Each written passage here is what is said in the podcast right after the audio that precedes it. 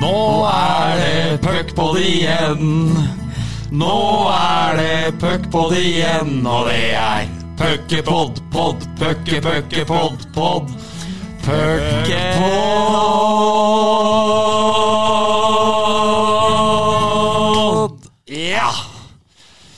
Der traff vi som vanlig, Erik. Mens du sitter her og skrur, så må jeg si at denne syns jeg var ålreit. Første gang gjestene har dratt ordentlig på.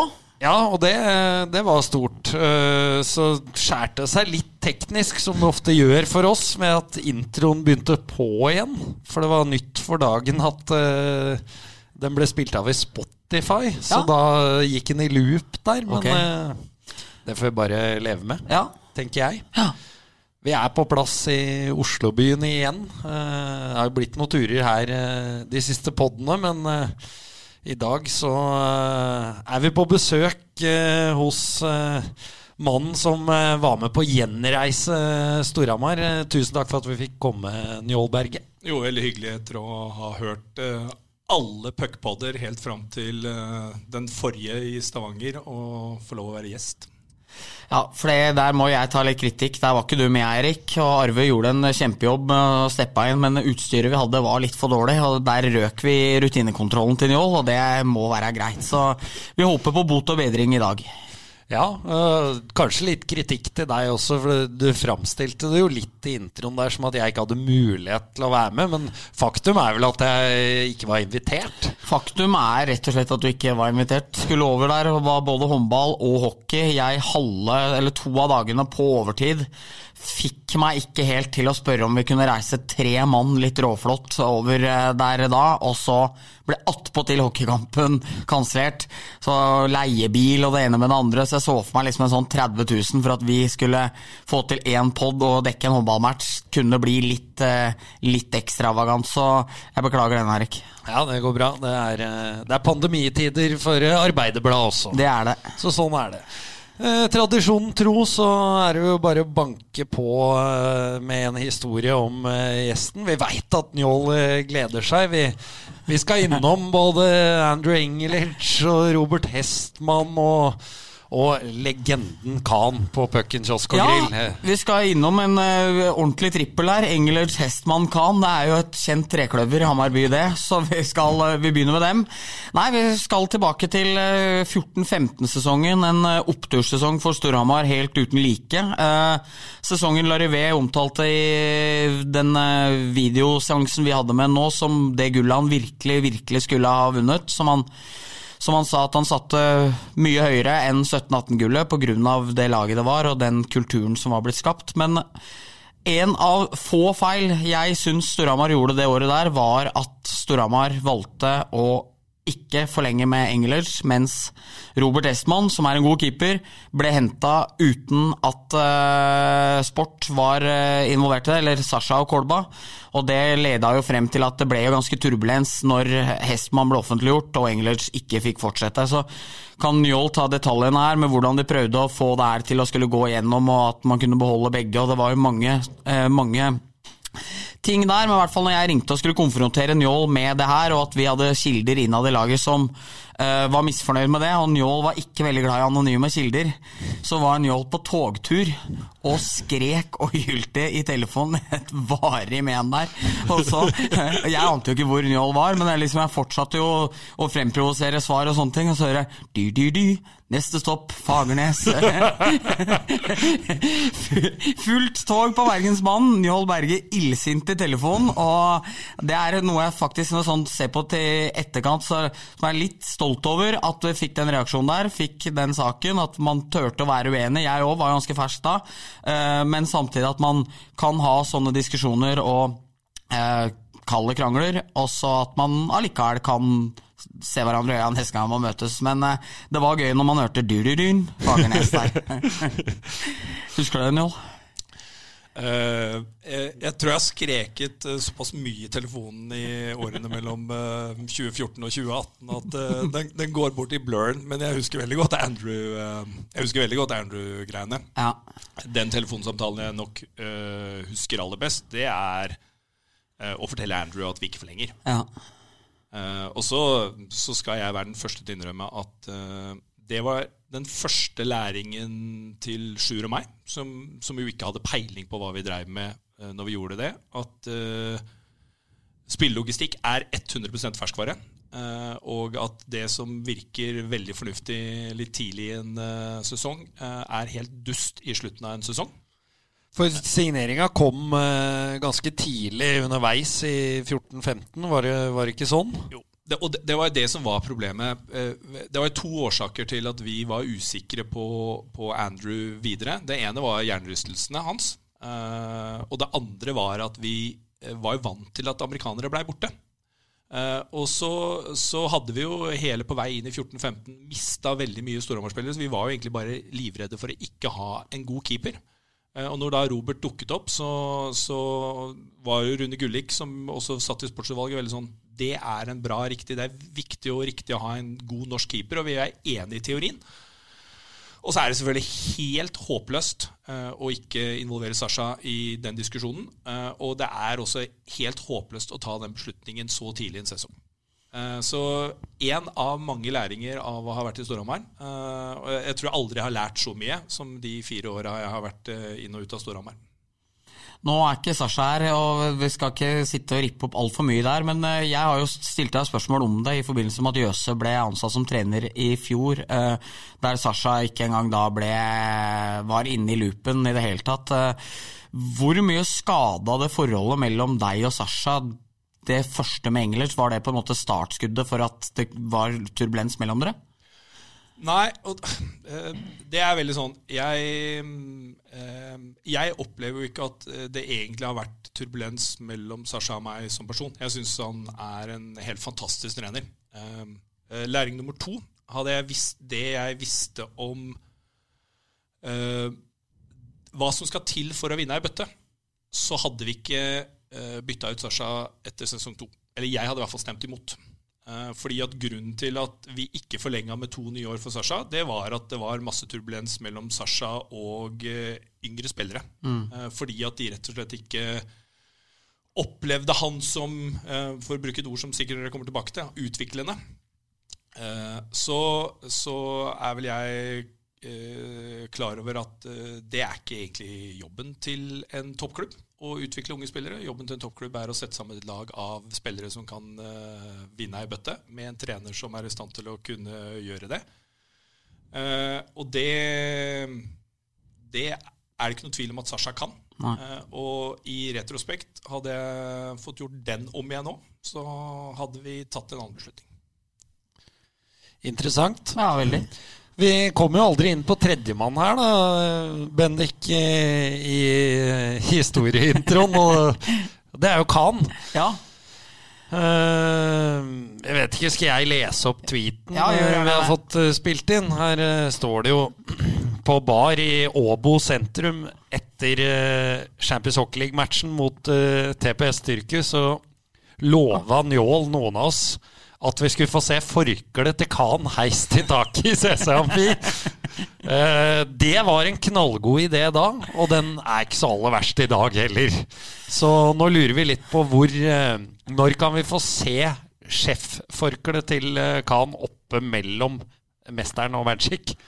Altså, Jeg syns jo fortsatt det er en veldig god idé. Jeg kan ikke huske å ha sagt det. Uh, det skal sies at uh, eh, TPS-turen sammen som en del av de andre Champions League-turene er jo kanskje noe av det mest rørende uh, man kan oppleve som hamarsing. Um, TPS-turen, to, to, ting var jo veldig stort. For det første så var liksom kampen bra. Den andre var Larry var jo skadet og, og sto med fansen og heia.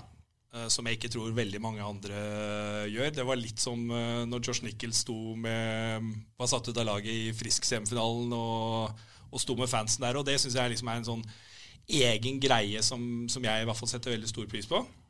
Uh, Mesteren og Sjur de satt da i en eller annen losje og drakk opp uh, all drikke da. Og så var det egentlig bestemt at uh, vi hadde jo aldri hatt noen penger, og vi hadde aldri gjort noe bra for spillere. Eh, og i Finland så var det så utrolig billig å drikke av. Vi fant ut Det var da vi skulle faktisk slå på stolen. Eh, de fleste av oss skulle jo hjem med et fly klokka sju morgenen etter. Eh, jeg fikk ikke sove, for det var også en av spillerne som Og det, sånn er det å være leder i Storhamar. Da må du stille opp for spillerne dine. Og en av spillerne som hadde funnet seg en, en finsk brud ute på byen og som trengte soverommet mitt fordi at uh, Så, uh, så at, at, formen var av en sånn art at jeg kan ha lovt det, det, det tviler jeg ikke et sekund på.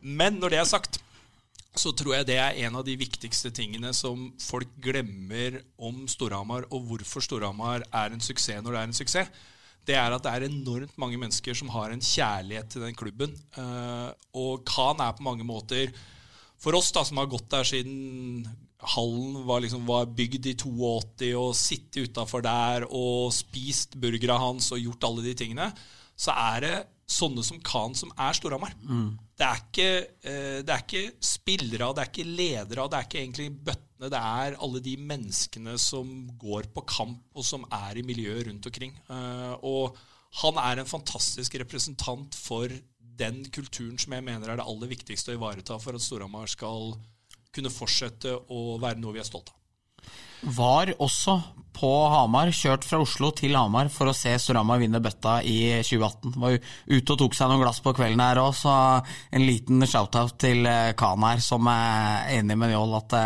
er en stor, viktig DNA til Storhamar. Ja, jeg tror vi har nevnt det før også, men det var jo når vi kom til Furuset uh, for eh, tolv år siden, Bendik, så var jo det det første vi ble spurt om også når vi kom inn i, i, inn i Furuset-garderoben. Da var det, det var rett på pucken, og er det leveren fortsatt pucken? Og alle har sin historie om Khan, på en måte. Ja. Så enig i det, Njål. Uh, stor mann. Ja, skal vi snakke litt om uh, nåtida, da? Uh, koble på deg først der, uh, Bendik. Så tenker jeg at Njål naturlig kommer inn i loopen etter hvert. Vi telte opp på tur innover her. det er også tatt fire trepoengere siden 9. oktober for uh, Storhamars vedkommende. Blant annet et par 2-1-seier mot Gryner og, og Manglerud. Det, det, er vel et litt trist bilde på, på tingenes tilstand? Ja, det er jo ingen tvil om det. Det er uh, fire måneder med, med, veldig svake resultater. Uh, har det vært mange grunner til det, og vi har jo snakka om det mange ganger. Uh, du har hatt veldig vesentlige spillere ute. Det har vært koronastopp, du hadde Alholm-saken. Det har på en måte vært problemer uansett hvor du har sett og gått hen.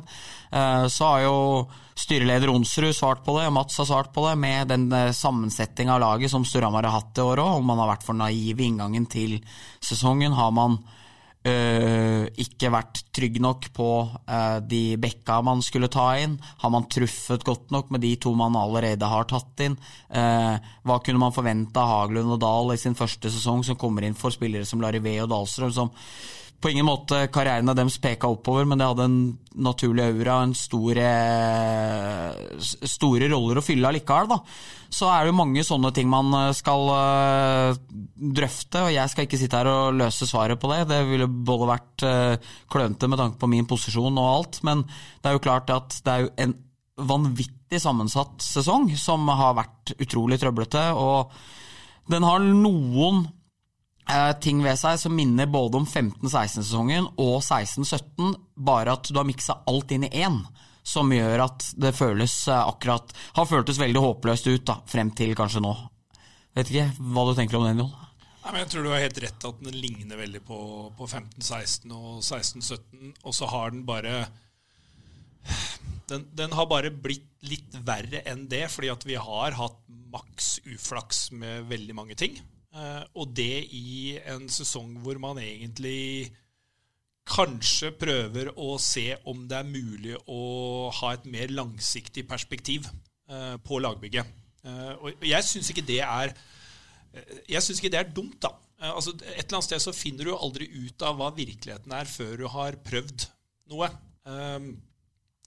Jeg mener jo også Vi, vi prøvde jo det den første gangen med, med Sjur Robert i forhold til Sasha. Så jeg, kan vi få enda mer ut av de unge, lokale spillerne? Kan en trener gjøre noen sånne ting? Det var mye av den samme diskusjonen som egentlig var med, med Jøsef. Og med unntak av Sasha, så, så var det jo ikke egentlig noen andre topptrenere eh, tilgjengelig akkurat i, på vei inn i den sesongen. Eh, og vi, vi, sitter med kapasiteter på Vang som Mats Hansen. Mats Hansen er åpenbart en, en, stor hockeykapasitet. Og det å liksom få enda flere av den, den, delen av klubben da, til å gå inn og ta et tak og gjøre de tingene, det tror jeg er, liksom, er viktig at alle, alle, er med, og alle føler at de har et eller annet å bidra med. Og så gikk det ganske bra i fjor. Eh, sånn, vi hadde mye flyt med de tingene. Vi har jo en helt fantastisk generasjon. altså det å ha to egne 19-åringer som Sander Wold og, eh, og Eskil Bakke, liksom, og i tillegg ha egentlig også Patrick Elvsveen og veldig mange av de andre Du har Markus Aas når han kommer tilbake. Du har i utgangspunktet Isak Hansen, som til å være så ung gjør en veldig god jobb. Vi er jo i en utrolig privilegert situasjon, og vi får aldri finne ut av om det faktisk funker før vi gjør det nå. Og det er litt synd. For med litt mer flyt og litt mer marginer så kunne denne sesongen her vært i hvert fall sånn at vi lå på fjerde, da. Men at vi eh, kan være et finalelag uten å ha to eh, topprekker, eh, både på backplass og på, i utgangspunktet på løpeplass, eh, det, det, er det bare å lese statistikken. Eh, så skjønner du at du ikke får til det. Og det er bare å se hva alle de andre gjør. så, så at vi skal kunne være topp fire med en sånn strategi som vi har hatt i år, med litt mer flyt, ja. Men å spille finale, det tror ikke vi får til. Nei. Vi eh, husker ikke hvilke eh, sesonger det, det var, Bendik, men vi sjekka jo opp uh, de siste ti åra for et par år sia. Fjerderekka til norgesmesterne da, i alle finaler. Og det var jo én fellesnevner. Det var jo en solid fjerderekke.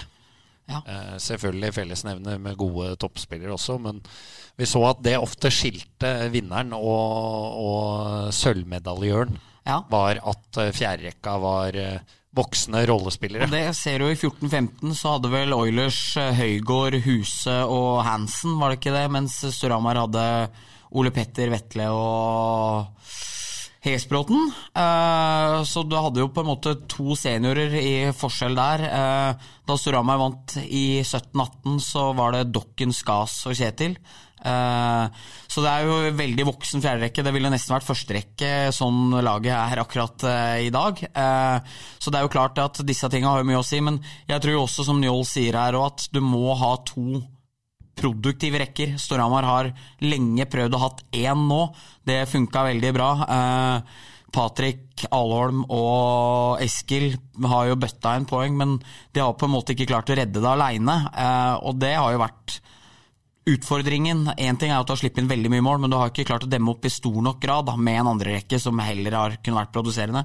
Som f.eks. i 17-18, når du hadde Berglund, Josh eh, Settegren, så hadde du Larivé, Jensen og Dahlstrøm rett bak igjen. Pluss at du hadde jo Svensson og gutta boys i tredje også. Det var jo, det, jo, det var jo godt forspent, men det var veldig mange flere som produserte veldig mye mer målpoeng. Klart Når du har en tredjerekkesenter som nå spiller Del, så, og du har Steffen og Rønner på hver sin side, så, så, er det klart at da, da øker du sjansene dine. Eh, ikke bare for å spille finale, eh, eller for å faktisk vinne, men faktisk for å spille finale. For det er, det er kort vei eh, før vi faktisk kan ryke på en smell mot Frisk i, i 17-18 også. Altså Hvis den hanskegreia hadde gått andre veien.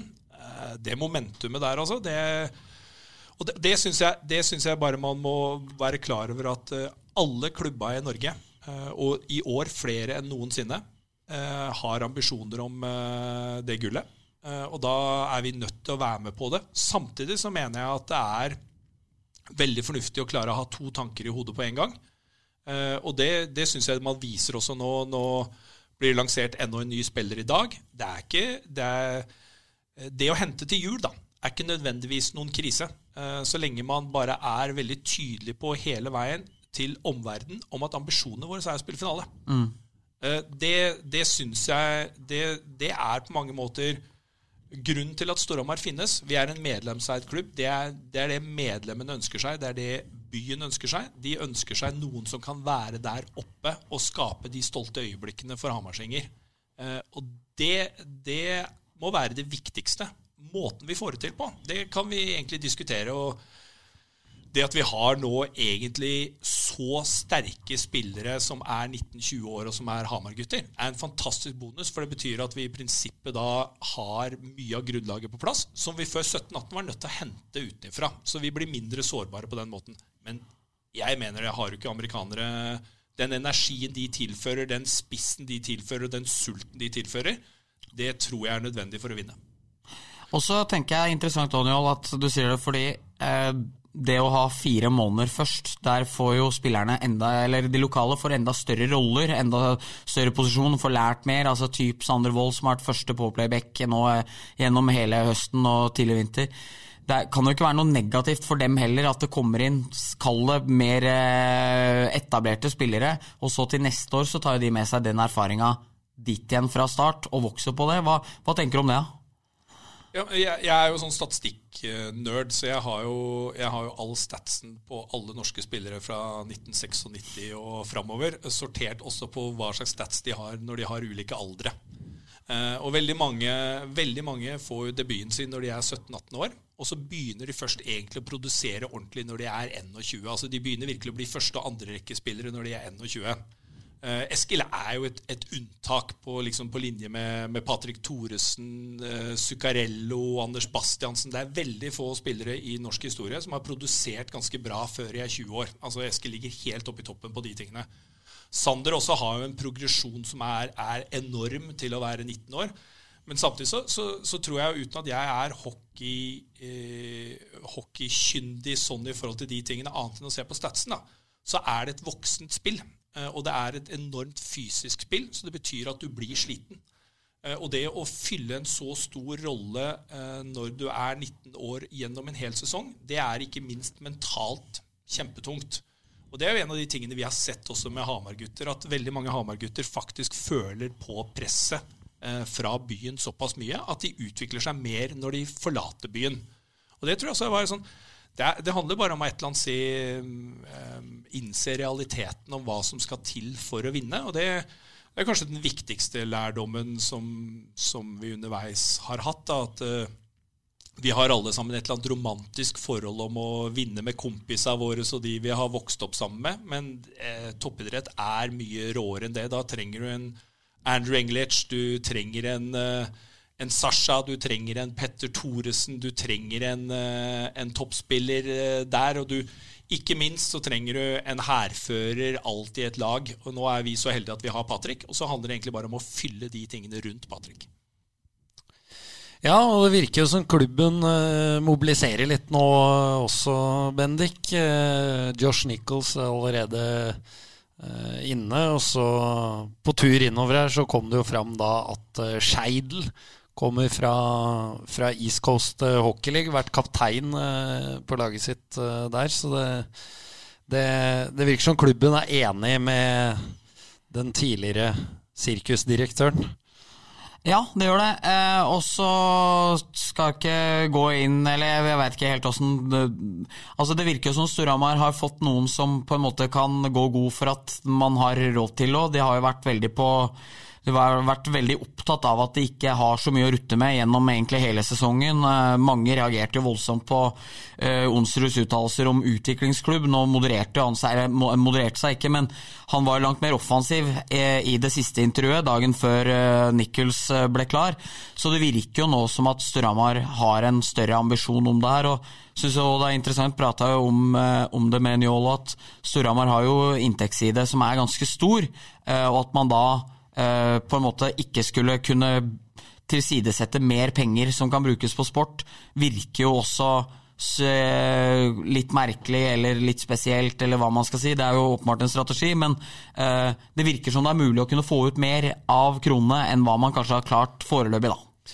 Ja, Du kom jo med en historie om, uh, om Njål med noen eh, kaker eh, her. Eh, kan ta den før vi kobler på han. Ja, kan gjøre det, for det er interessant. Det, var, det tror jeg var første gang jeg hørte Njål prate. Det var når jeg var ny i HA i 2014, og så var det kickoff på Gregers. og så Da var det Njål som var oppe og prata, og prata om at I dag skulle vi selvfølgelig hatt to kaker her til 500 kroner stykket, eller 1000, 1000 kroner til sammen som det blir. Men for oss så er det ikke så interessant, pga. at vi har mer lyst til å legge de 1000 kronene i sport. Eh, og jeg husker jo liksom at folk gliser jo litt av det, for 1000 kroner høres veldig lite ut. Men det var jo noe med Grunnen til at jeg husker det, er jo fordi essensen i det tilsa at alt vi har, skal vi putte inn der publikum kan få noe igjen for det. Da. Og det er jo derfor jeg bet meg merke i akkurat det, det sitatet.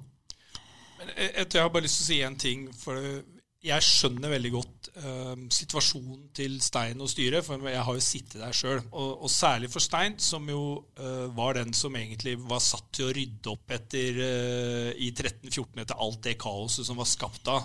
Så han har jo virkelig følt på kroppen en gang før hvordan det er å være ille ute. Derfor er jeg også veldig glad for at han sitter i den rollen. For det er en av de tingene du vet med Stein Monsrud i den rollen, det er at han passer på penga, at det er kontroll, og det er ting er på stell. da. Um, så tror jeg kanskje at uh, um, et eller annet sted så må man passe på å sørge for at man forstår uh, hva som gir en positiv spiral, og hva som fort kan bli en negativ spiral. Uh, og på Hamar så er den positive spiralen det er i utgangspunktet at vi vinner. Og i det øyeblikket eh, du kan si i, i religion, All religion så er det tro, håp og kjærlighet. håp det er ingen som forholder seg til på Hamar. Du må tro på at vi kan vinne den bøtta. Og så må du egentlig oppleve at de menneskene som er satt til å forvalte klubben, har kjærlighet til den. Og så tror jeg ikke du skal uh, ha noen tvil om at de menneskene som styrer Storhamar nå, har stor grad av kjærlighet til den klubben. Uh, og så, så, er de da kanskje rett og slett hittil i denne sesongen vært litt for forsiktig. Men det er jo ikke noe problem så lenge de nå finner løsninger som gjør at vi er med der oppe. Uh, det som er viktig, det tror jeg at de hele tiden kommuniserer at de tror på og, jobber for at vi skal være helt der oppe.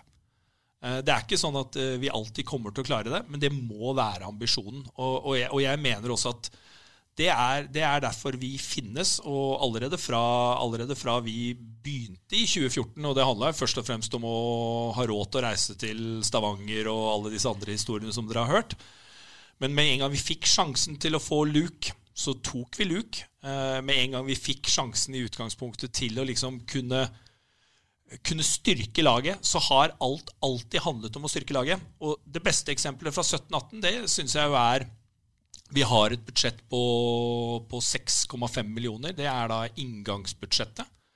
Uh, og Da skjer det to ting som i utgangspunktet uh, endrer seg i forhold til det budsjettet. Det ene er da at i utgangspunktet uh, Cody koster litt mer enn de 540 000 vi har satt av til han. For vi hadde liksom tre inntektsklasser, 540 000, som heter bare Larivé-klassen.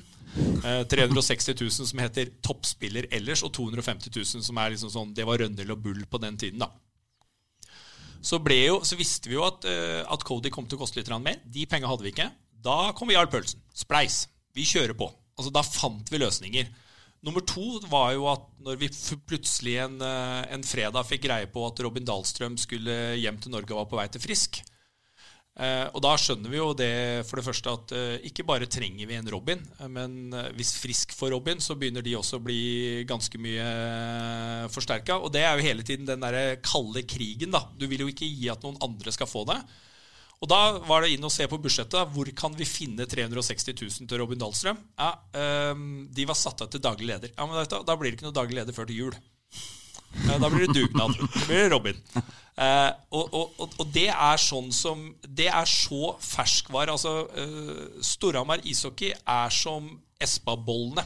Eh, når du kommer inn der, så må det være noen nye varianter hele tiden. Så må det være varmt, og så må du se Roger Danielsberg som står bak der og gliser. Da blir det altså to millioner boller solgt i året. Men hvis du ikke eh, Hvis du har litt sånne ja, de samme bollene år etter år, og de er ikke helt varme, da kommer ikke folk eh, i hallen. Og da er alt annet egentlig bare teori. Ja, det er vel der eh, spaboller har gjort det eh, skarpt også. Det. det er jo de samme bollene som er på alle andre bensinstasjoner, men de er ferske. De er ferske hele tiden, og de serveres med et smil. Ja, Nei, sant. Ja, det er godt poeng. Uh, Njål, vi snakka litt uh, innledningsvis uh, når Bendik kom med eksempel på at du var litt hissig i telefonen her. Og, og hissig, det har jo vært på, på sosiale medier fra tid til annen òg. Vi skal spole litt tilbake til uh, Når var det vi fant ut at det var? Var det november 2016? 2018? Eh, Nei, med meg og deg, Ja, ja. ja, ja, ja, når jeg- 2016. Og jeg og Bendik fikk eh, Det var jo før vi hadde starta Puckpodden. Vi fikk, eh, fikk en ordentlig merkelapp. Vi ble omtalt som Twitter-sportsutvalget av den godeste Njål. Det var tider, det, Bendik. Ja, det var det, og det var faktisk Det er sjelden jeg er spesielt uskyldig, men jeg husker at det var en relativt generell diskusjon uh, som gikk på hva utlendinger skal være i norsk hockey. Eh, Da var det Daniel Hermansson som det var sikta til, en spiller Storhamar kanskje ikke traff 100% med, som spilte litt nedover i rekkesystemet, der man diskuterte det at eh, Jeg og du var jo enige om det, at en utlending alltid bør eh, holde en første-andre-rekkeplass, eller i hvert fall være god nok for det.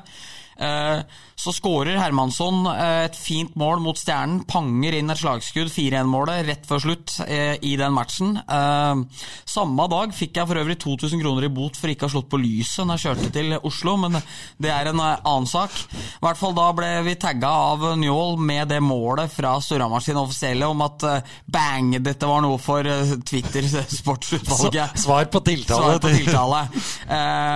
Vi syns jo kanskje ikke helt at Hermansson ved det 4-1-målet hadde svart nok på tiltale, men da, i hvert fall, da var det noe av den uh, den der æressulten til Njål som viste at uh, vi skulle ikke kritisere noen uten at det gikk han uh, hus forbi. Før du svarer, Njål, så må jeg si jeg husker det jo som litt stort også, fordi eh, vi hadde jo vært med, som du sier, i en eh, diskusjon om eh, hvilken rolle importspillere skal ha i, norsk hockey, og så eh, hadde jo plutselig blitt eh, lagt merke til av, klubblederen i Storhamar. Det var litt stort òg. Ja, og Pål Jan Stokke hadde lagd seg Twitter-bruker for å få like han. Så da, så da, da husker jeg Jeg syns det var litt stort. Jeg må innrømme det. Eh, Jeg er jo enig med dere, eh, for det første. At eh, importspillere må levere i første og andre rekke, ellers er det ikke noe vits å ha dem der. Eh, Det er faktisk et problem også hvis du går og er statistikknerd. Jeg tenkte jeg skulle prøve å publisere all den statistikken en dag til glede for alle andre nerder. Problemet med svensker da, det er at de produserer jo ikke poeng. Eh, Det er, Det er hardt å si. Det er, ja. Ok. Uh, de, uh, i, I forhold til de amerikanske og canadiske spillerne som er her, så produserer svenskene i veldig liten grad uh, poeng på samme nivå. Um, eh, unntaket er f.eks. Linus og, uh, og Jakob. Uh, men i, generelt sett, hvis du tar liksom hvem har plukket flest poeng per kamp i en sesong, så er det en lang rekke med amerikanere og canadiere, og et par svensker sånn innimellom, og innimellom noe så litt sånn annet. Um, for det er jo litt av utfordringen også som man lærer når man begynner å betale Altså, hva kan en svenske brukes til, og hva kan en svenske ikke brukes til? Når det gjelder akkurat den Daniel Hermansson-historien, så er den mer et resultat av at når du representerer en klubb, så forsvarer du den med nebb og klør uansett hvor mye idiotisk eh, den driver med. Eh, eh, så, så sånn sett så skal jeg være den første til å innrømme at alle mine uttalelser er ikke fundamentert i eh, en objektiv sannhet, men en, eh, et behov for å forsvare noe som jeg er fryktelig, fryktelig glad i. Ja. Nei, det er, det er stort. Jeg husker det fortsatt med et uh, smil, så det er, uh, det er gøy. Noen sånne må en ha. Ja da, og det skal jo sies det. Og jeg møtte deg jo Det var vel sesongen etter, da, utafor hallen, hvor du var superhyggelig og hilste og lurte på hvordan jeg hadde det. Så da skjønte jeg at det stakk jo ikke så, så dypt. Så, men det, det er morsomt å se tilbake på, i hvert fall. Eh, Da har du kanskje svart litt på neste spørsmål også, som vi har fått inn på Twitter fra, fra Kenneth Sakariassen. Jeg har eh, har eh, modifisert eh, det litt, da, men du kritiserte også HA for å skrive for mye om eh, Patrick.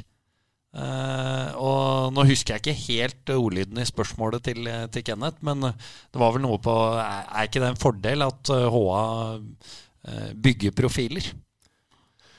Uh, eh, nå er, jeg, har jeg har jo et elsk-hat-forhold til, til HA. Mest et elsk-forhold, det skal jeg helt si. Fordi, at- og, og det skal jeg være den første til å si. HA er fantastisk viktig for Storhammeren. Eh, jeg har stor respekt for HA sin oppgave om å være objektiv, og både i utgangspunktet hylle Storhamar, men også pushe Storhamar, og stille alle de vanskelige spørsmålene i tillegg til alt det andre. så har vi prøvd, eh, i hvert fall den perioden jeg har fått vært med, å bygge en klubb som handler om. Eh, som handler om klubben, som handler om laget, som handler om byen. Eh, og for meg så er de, liksom, de viktigste profilene er ikke spillere. Det er egentlig liksom klubben, da. Eh, og det var nok kanskje en sånn Den spesifikke reaksjonen på Patrick var, var, i forhold til det at jeg opplever at det er viktig i utgangspunktet å fokusere på på laget og på lagbygget og på samholdet og på alle de tingene. Og jeg er kanskje i overkant jeg skal være helt, helt ærlig på det, jeg er kanskje i overkant opptatt av det, og innimellom litt dustete opptatt av det. Ta en helt annen sak da, altså når vi først er på sånn full disclosure på alle sånne ting. La oss ta Jimmy, da.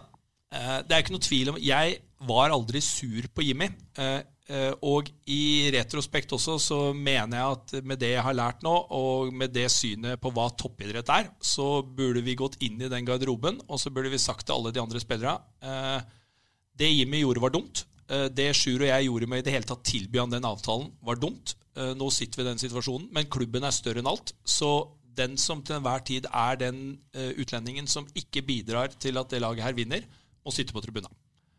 I stedet for så valgte vi en sånn prinsipiell, og det var kanskje jeg som, og det er helt sikkert jeg som sto sterkest i den lengst, en prinsipiell vei at du må stå for de tinga du har gjort. Eh, det er også sånne ting man lærer, og det, det er kanskje det vi lærte mest inn mot uh, av 14, 15, 15, 16 og 16, 17, alle de feila vi gjorde, det var at uh, dette er toppidrett. Og så tok vi jo en del ganske brutale valg i 17-18 også. Valg som føltes kjempebrutale for Martin Gran og for Magnus Eikrem Haugen og for Magnus Blakseth Huset. Og som, var kjempe, som var kjempevanskelig for oss å ta. Og det var kanskje verst av alt, det var jo å fortelle Patrick Bernhjelm, som virkelig hadde kommet inn i 14-15 og hjulpet oss å være daglig leder, at vet du hva, vi vil heller terminere kontrakten din og ha deg med. Mm. Eh, men det, er, eh, det var det jeg lærte av de tre åra. Eh, det er at hvis du vil vinne ei bøtte, så må du behandle dette som toppidrett. Ferdig arbeid. Og at klubben er mye større enn alt annet. Et spørsmål til Enjol. Fordi Jeg husker når du sier det nå, at det er råtøffe valg dere gjorde. Barberte jo troppen i en stor grad der, spissa troppen da Storhamar fikk inn Fredrik Søderstrøm som trener, så var det han som ble nødt til å ringe Martin Huse og Martin Gran eh, om at de var ferdig. Eh, det var vel eh, det han gjorde helt i starten. Både da og i etterkant, hvorfor er det så vanskelig for sportssjefer eller for sportsutvalg og for folk på toppen i Storhamar å ta de ærlige telefonene om at sorry, du får ikke være med? Jeg syns den som til Ja. Um, jeg har tatt dem alltid sjøl. Jeg tok Bernhjelm, jeg tok uh, Engelec, jeg tok Joey. Uh, jeg husker faktisk ikke jeg tror, ikke Fredrik, jeg tror ikke Fredrik tok Martin. Jeg tror det var Sjur, men det er mulig at jeg tar feil. Det var Fredrik. Ja. Jeg vet Det kan ikke jeg svare på. Det, det syns jeg er en selvfølge, egentlig, at eh, de som har ansvaret for, for valgene, også tar, tar, samtalene. Hvorfor vi endte opp med å gjøre det på den måten, det, det veit jeg ikke for å være helt ærlig. Nei, for Jeg husker at det drøya i året etterpå med Skas, som gikk og trente til langt ut i juni, og Heiesbråten og liksom ja. Det, det, med Skas var, en, det var rett og slett bare en skandale. Ja.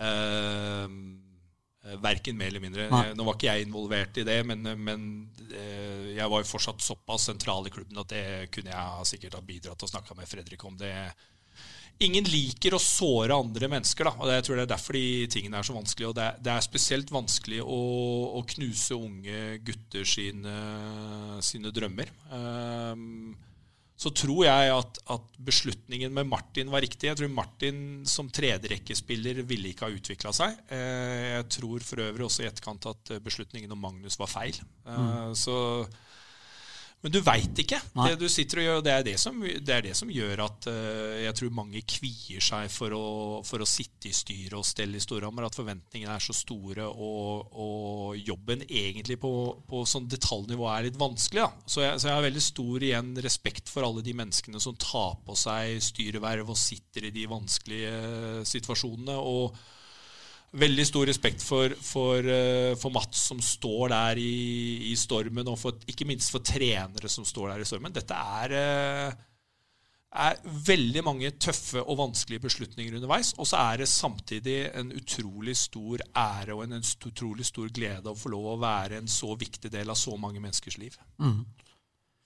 Så er det vel da, Benrik eh, Altså, man har jo ikke plass til alle lokale som kanskje kan bli gode. Og så har vi noen eksempler. Vi hadde jo Eirik Salsten i, i poden som Eh, han var jo på et sted hvor det var helt avgjørende at han trappa ned og, og dro et annet sted. Ellers så hadde han jo ikke spilt i Storhamar i dag. Det var han jo ærlig på også. Ja. Eh, vi har jo noen andre eksempler nå. Det har vært mye diskusjoner rundt Ole Einar Andersen, som hadde en god sesong i, i fjor og er enda bedre i år.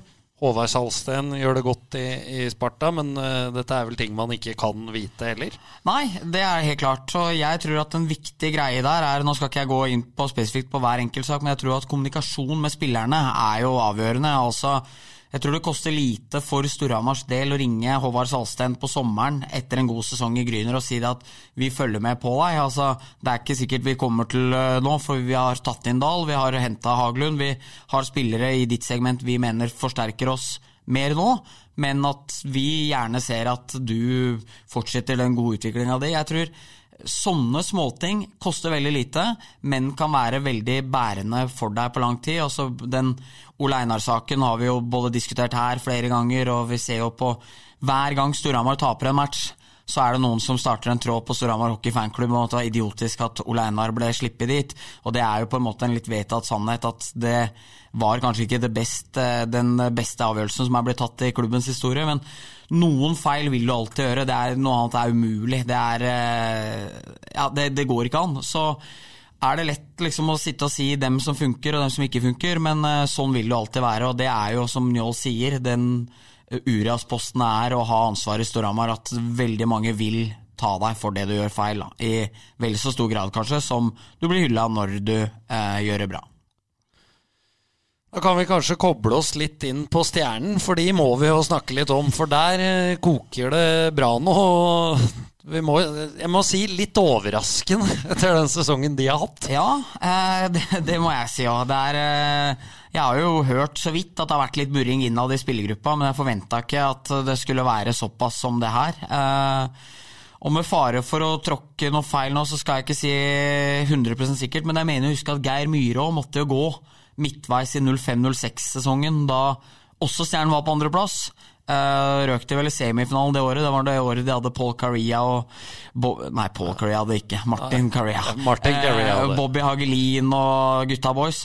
Så jeg vet ikke hva som skjer der, men de har vel hatt én semifinale de siste 15 åra, eller hva det er for noe. Så det er jo ikke en klubb som er veldig vant til å ha suksess. Så jeg må si at jeg er veldig overraska over det som er skjedd der. Og så må jeg jo ærlig innrømme at jeg håper at, det, at de lander på beina, og at man klarer å gå videre. fordi det må jo være kjipt for Stjernen å skulle bruke eh, penger på å betale ut to eh, to og et halvt år igjen av kontrakta som Olsson har. Da. Så de står i en bra floke der nede nå.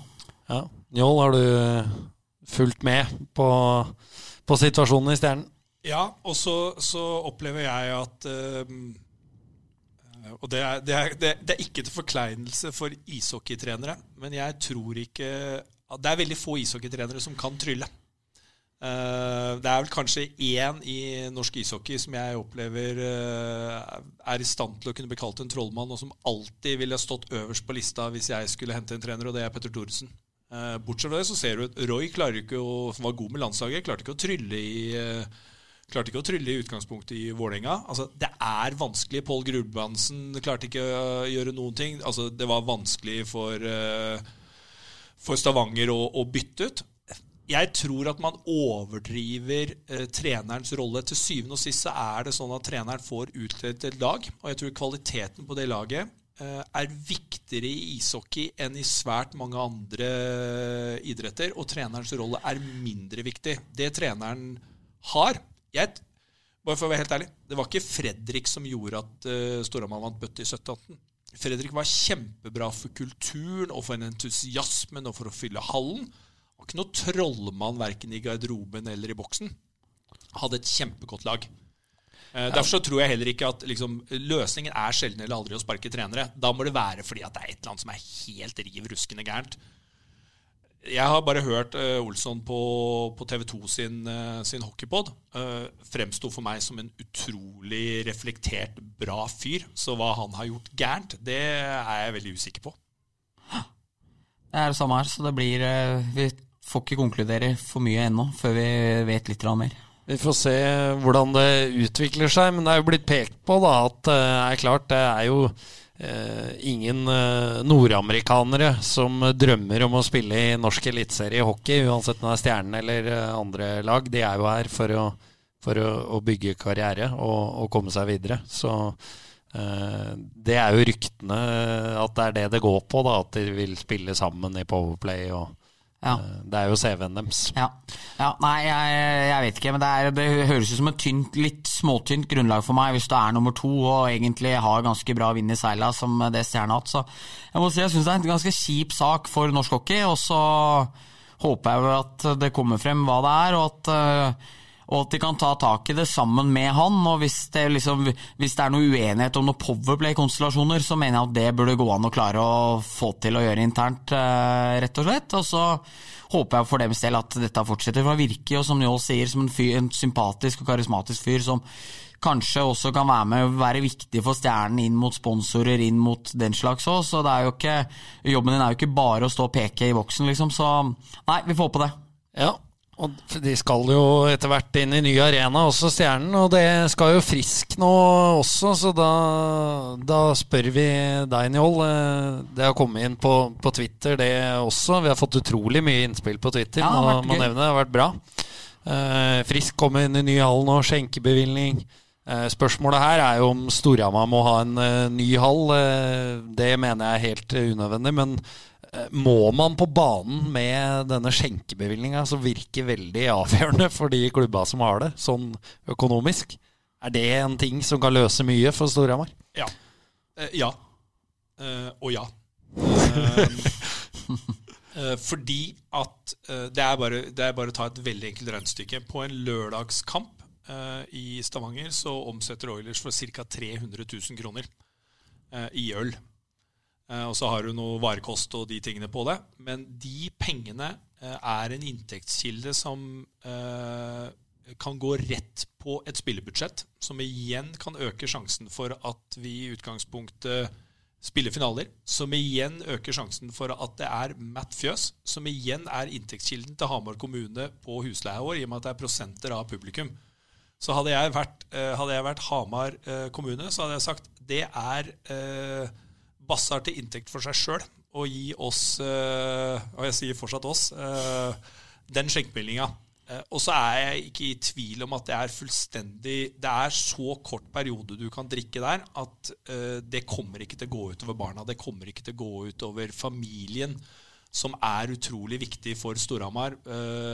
både fordi at det er en viktig inntektskilde, men mest av alt fordi det er derfor vi fins. For at folk fra 6 til 80 i alle samfunnslag skal kunne møtes og ha det hyggelig på en kald vinterdag på Hamar.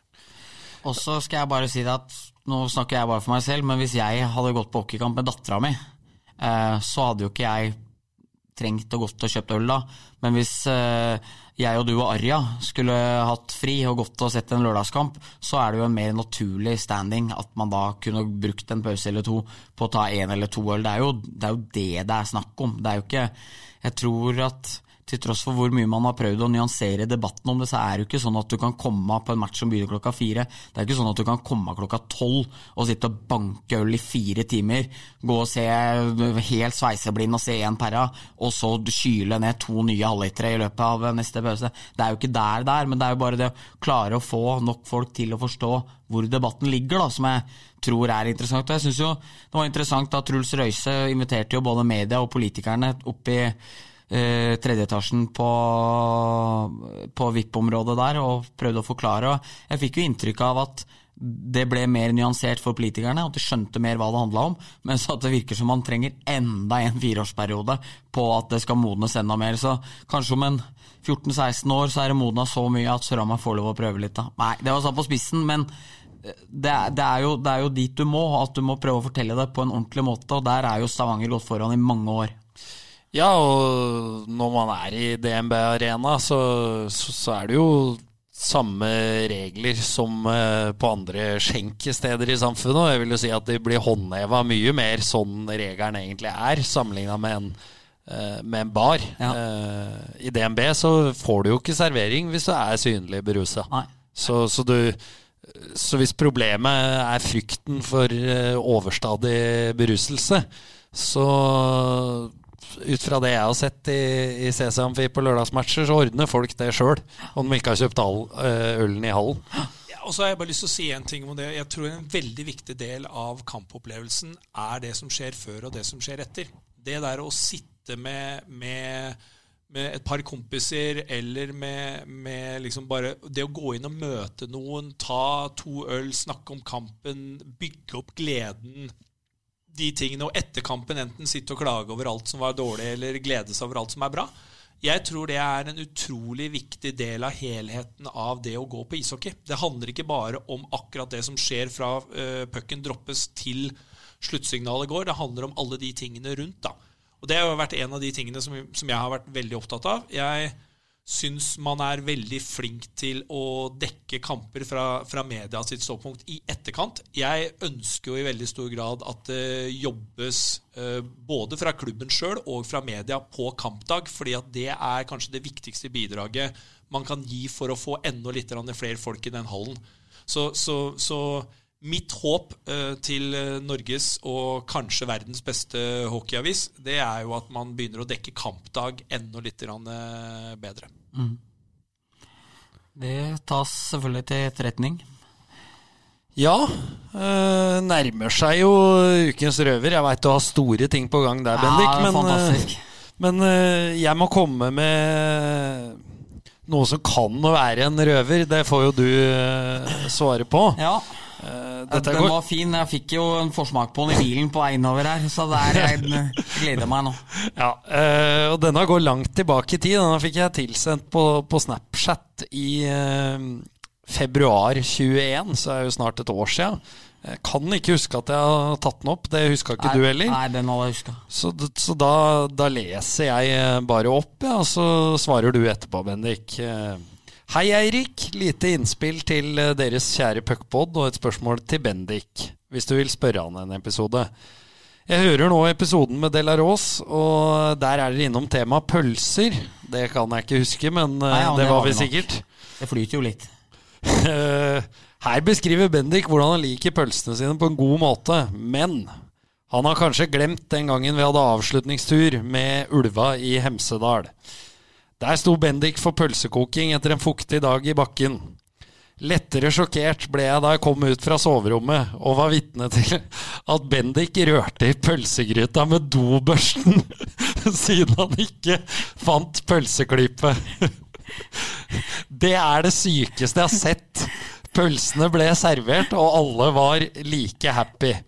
PS. Pølsene var sprekt. Er, det, er, det, riktig, dette her? Som jeg sa til deg i stad, det er 100% løgn. Det er, det er aldri Det er Marius Kvassheim som har levert inn det her. Eh, Jonas Djupviks beste venn. Så farer med ren, skjær løgn her. Jeg vet at jeg ikke har gjort det der, jeg har gjort mye rart. at pølsene jeg lagde ble sprekt, det kan jeg garantere.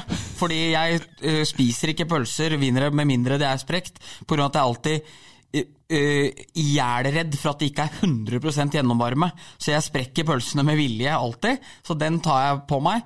Men at jeg har stått med dobørste nedi der på guttetur i Hemsedal, det har jeg ikke gjort. Det er jo litt av en scene, dette her, eh, Njål. Eh, pølsene sprekker drikker òg, så alle de gode bakteriene fra dobørsten får liksom Vi får sausa det inn. altså, men har du, har du, spist nok på kan, så er du helt immun mot bakterier likevel. Så det er ikke noe problem. ja, nei, det er ikke sant, Erik. Nei, det er ikke sant. Nei, det er ikke det. Nei, men da har jeg i hvert fall uh, nesten et år på overtid da, viderebrakt historien til Kvassheim, og, og du har avkrefta det. Så. Ja, så er du i god puckpod-ånd nå. At de uh, historiene, foruten Åge Ellingsens Playboy Boys så har jo egentlig ingenting vært sant. Så, så, så, det, vi, er glad for det. Det er vi glad for. Og da tenker jeg at uh, du skal få lov å og ruller videre med Ukens røver. Det er, eh, det er en sømløs overgang, som Ja. jeg kaller det. Ja, det er riktig. Får jeg, lov, jeg får lov til å legge til nå at det er du som har viderebringt den til meg, så det er bare jeg som tar den høyt nå. Ja, men det er du som står for Ja, det Ukens det, er røver, så det syns jeg er rett og rimelig. Ja, og det er jo da at Bagge, denne kjente, kjære figuren som vi jevnt og trutt eh, prater om her, eh, som er matris for U20 og går jo i gangene i hallen hele dagen og er jo en gullmann uten like. Han eh, skulle vel ha tak i Espen Løvaas mens det var den Storhamar Trophy i høst. Og da hadde han gått inn på kontoret der eh, Susanne Sagerud, kjæresten til Jostein Smeby, og Dag Kjelsrud satt. Eh, Og da hadde han vel hørt på puckpodden der Finn Paulsen hadde omtalt at eh, eh, en av løvåsene hadde blitt omtalt som Lovass i, på messe i Sveits. Hadde blitt kalt Lovass. Så han skulle da spørre om nummeret til kan, du, kan du få tak i Lovass? Hadde Bagge svart. Da Susanne, som er sammen med Jostein, plutselig hadde tatt opp telefonen og ringt Jostein.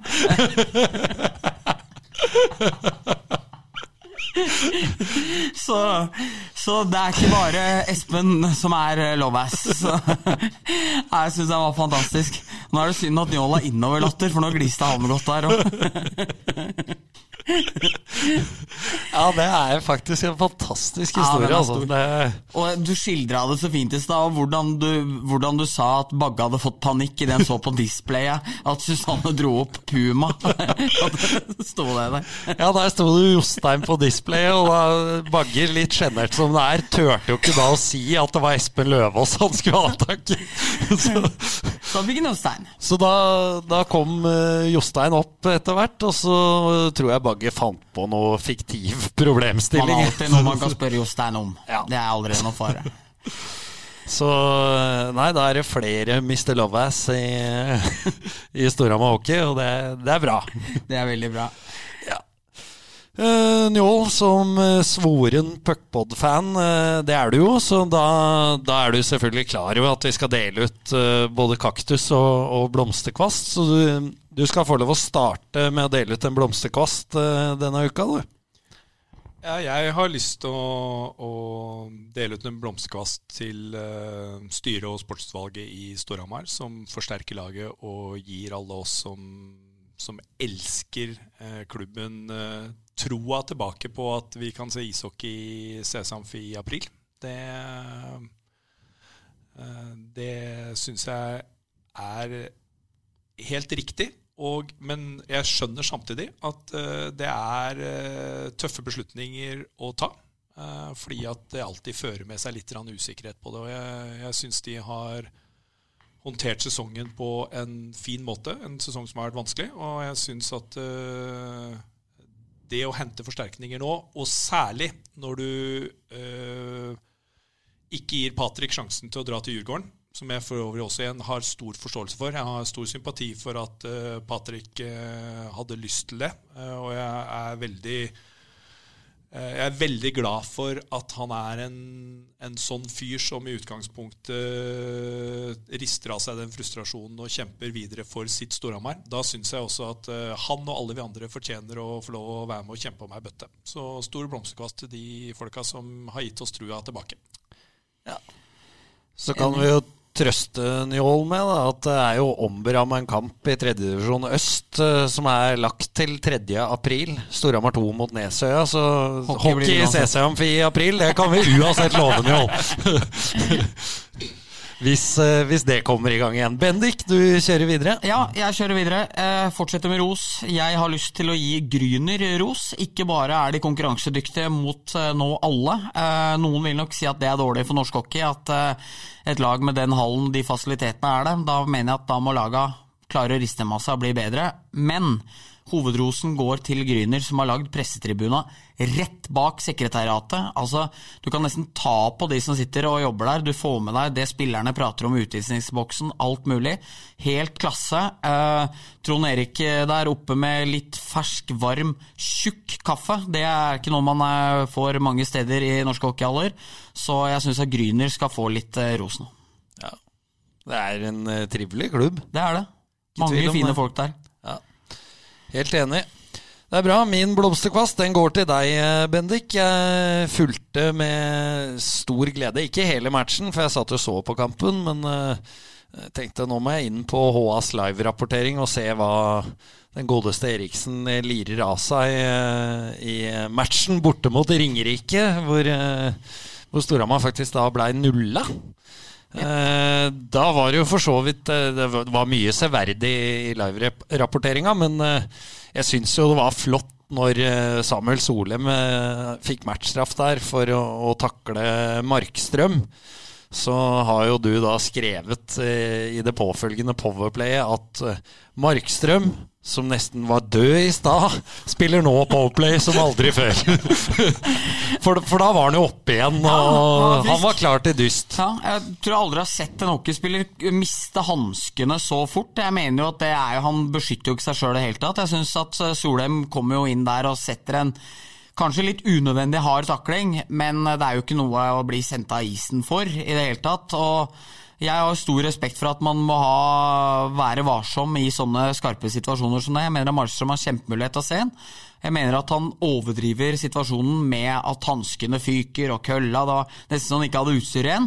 Og så er det ut i første Powerplay. Så det er liksom eh, Da syns jeg det var greit å prøve å spice den litt på at, eh, på at eh, jeg ikke hadde helt sansen for det, da. Nei, og det gjorde du bra, Bendik. Ja, tusen takk. Så var det kaktusen, da. Vær så god, Njål. Nå, vi venter oss jo en ordentlig rant her nå. Ja. ja I, I, god uh, Twitter-sportsutvalget-stil. Nei, um hvis jeg skal rante om noe akkurat nå, så er det jo at uh, man ikke klarer å lage en regel som gjør at uh, det er en, mulig å ha mer enn 200 mennesker inn i haller eller kulturinstitusjoner eller hva som helst som har plass til 5000. Eh, nå har, du, nå har, du, levd med korona i ett og et halvt år, og hvis du ikke klarer å lage en plan for en ny bølge som gjør at du både kan bruke korona I Sverige så må du bruke koronapass for å komme inn på en nattklubb. Eh, at vi ikke engang kan klare å, å fylle ishockeyhaller, fotballstadioner og alt annet med en blanding av koronapass og, eh, og god avstand, det bare tenker jeg, da gir du faen. Da er det ikke fordi at du ikke kan det, det er bare fordi du gir fullstendig faen og ikke vil det. Det er enklest å bare si 200, for det, ja. Ja. det sa vi i mai 20. Og da, og da blir det bare sånn det, Når jeg blir frustrert, så er det fordi at uh, når ikke matten går opp, og når du ikke har et godt, et godt, argument, og det har ikke De rett og slett bare tenker at uh, ja, drit i det, da. Som igjen går jo utover at du må kompensere for uh, det. Som er Altså, du sitter nærmest bare og kaster litt penger ut av vinduet akkurat nå. Ja. Det er, det er, det er, eh, det er liksom Og så er det mest av alt Det jeg syns de alltid undervurderer, det er hvor viktig De tror at dette handler om idrett. da. Og det, er det jeg har prøvd å formidle hele tida. At uh, det å gå på kamp for veldig mange mennesker er det absolutte sosiale høydepunktet i et ellers ganske traurig liv. Uh, og Det er derfor jeg syns det har vært så utrolig givende å være en del av Storhamar. Det er derfor jeg blir så utrolig lei meg når Eh, når, man, når, man, ikke anerkjenner at, har, at, vi har en sånn viktig rolle i samfunnet også. Eh, tiltredes. Eh, blir eh, vanvittig selvopptatt avslutning her med meg, da, i og med at jeg både får ros og skal til slutt gi meg sjøl kritikk. Eh, eh, det veier jo opp, da. Ja, det veier jo opp, men det blir, det blir mye Bendik i monitor. fredag for snart to uker siden så misforsto jeg helt GDs sak om uh, testing av uh, noen av Lillehammer-spillerne som spilte kamp mot Gryner. Der det står i artikkelen at til tross for at spilleren ikke følte seg dårlig, så tok han en PCR-test. jeg forsto det da som at da, da han testa positivt på hurtigtesten. Fikk også et tips om at han hadde gjort det. Jeg la ut det på Twitter om at jeg var frustrert over at norske hockeyklubber åpenbart skjøtta det så dårlig. Tror den tweeten rakk å ligge ute fire ganger, men det ble jo et jævla spetakkel av det. Når det viste seg at han hadde testa negativt på hurtigtesten, hvorfor han da tok PCR-test hvis han ikke følte seg dårlig, er jo et uh, spørsmål som ikke kom godt frem i artikkelen. Men uh, der var jeg altfor rask på Der var jeg for trigger-happy. Eh, og så så jeg at folk begynte, når jeg da sletta den tweeten som jeg gjorde ganske fort, så så jeg at folk begynte å legge den ut igjen. Eh, sikkert fordi folk syns det er deilig å kunne ta meg på nå, men jeg syns at den feilinformasjonen var så viktig å få bort at jeg måtte be folk om å være så snill å slette screenshoten som var blitt gjort der.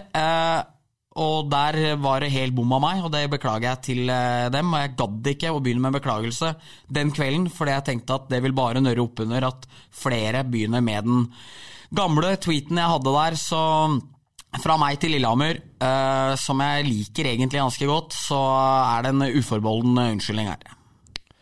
Ja, det er jo ikke hver dag man får oppleve en uh langflat Bendik Eriksen, så det tar vi jo med oss. Ja, jeg, har, jeg, har aldri opplevd det.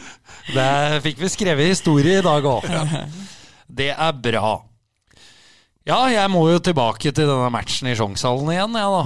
Eh, David Aaslien eh, hadde den taklinga på Settegren i eh, høst. Eh, jeg opplevde ikke den som så voldsom eh, der og da. Så repriser han også. Skjønte ikke helt at, at Settegren fikk eh, jernrystelse han fikk av, av treffet i isen. situasjonen, men han fikk det. Uh, og det var en helt unødvendig takling. Settegren har spilt fra seg pucken for lenge, lenge siden. Sling går inn da for å sette inn en sein takling. Helt unødvendig. Uh, så kan jo alle ha uflaks og bli litt heite og sånt noe, men så så dukker jo da den sparinga på, på Breitsjak opp uh, i Sjongshallen uh, nå sist. Uh, og da tenker jeg, da begynner det å bli et mønster. At du holder på med disse tinga her. Som er rett og slett griseri. og det, det vil vi jo ikke ha. hockey har jo i enkelte miljøer ganske brokete rykte rykte, rykte, fra før. Og da trenger vi ikke at folk flyr rundt og, og sperer eh, folk i ballene i tillegg og, og takler seint. Eh, så det er stygt, og vil ikke ha det. Og pressetribuna i Ringerike nå, eller i Hønefoss i Sjongshallen, er jo nå i hjørnet der. Veldig fint. Pizza og alt, helt topp. Alt. Det er ikke styrkerommet og iskaldt lenger. Men da, da, satt man rett over der, og han Åslin og Øksnes tok tak i Han så så redd ut. Han så ut som han hadde møtt mannen med 100 i år. Så det var flaks for han at det lå to spillere imellom der, for ellers så tror jeg det kunne blitt en uh, liten reise på han der. For uh, jeg tror han visste hva han hadde gjort, og at han skjønte at grunnlaget for en uh, liten campaign uh, var der. Ja, så, og det ble så dumt hele situasjonen å spille uskyldig etterpå der. Spør om det går bra og, over Breisjak før Øksnes kommer inn der. Og tok jo heller ikke noe spesielt ansvar for situasjonen når han snakka med TV 2 dagen etter heller. Niks. Så, nei, skjerpings er oppfordringa herfra. Njål, brenner du inne med noe nå? Nei. Um, jeg vil jo igjen bare si at det er veldig hyggelig å få lov å, å være med her. Um, jeg syns det er veldig kult, uh, hvis jeg skal få lov å skryte av dere begge to og gi dere en liten blomst, da. Så i tillegg til at uh, Bendik skriver og gjør live-rapporteringa 'Du er bra på TV 2', så syns jeg det er utrolig gøy at vi også løfter fram de gamle heltene. Det er kjempegøy for oss som har vært i hallen i alle år, og høre Åge og alle de andre tingene. Så, så jeg syns liksom podden eh, bare fortsetter å utvikle seg. Eh, så Det er veldig hyggelig. Tusen takk. Ja, takk for det. Store ord. Ja, det var store eh, Og da er det selvfølgelig rom for en bonuskvast da, når det går på oss, eh, Bendik. Vi tar imot den. det er riktig. Men nå må vi få oppfordre folk igjen til å begynne å stemme på oss i iTunes og legge inn kommentarer og sånne ting. For nå har jeg ikke fått en kommentar på ett år, så hvis du syns det er dritdårlig nå, så smell det inn. For nå trengs det litt å røre litt i den bøtta igjen. Ja, Har vi gått bort ifra den at mm, folk kun skal komme med tilbakemeldinger når de syns det er bra? For det var jo det som var oppfordringa tidligere. ja, det er til oss. Personlig. Ja. Ja ja, nei, men uh, slutte meg til det da. Det er bare å, å rate på, det setter vi pris på. Tusen takk for at vi fikk uh, komme, Njål. Jo, veldig hyggelig. Tusen takk. Og takk for at nettopp du hørte på denne podkasten.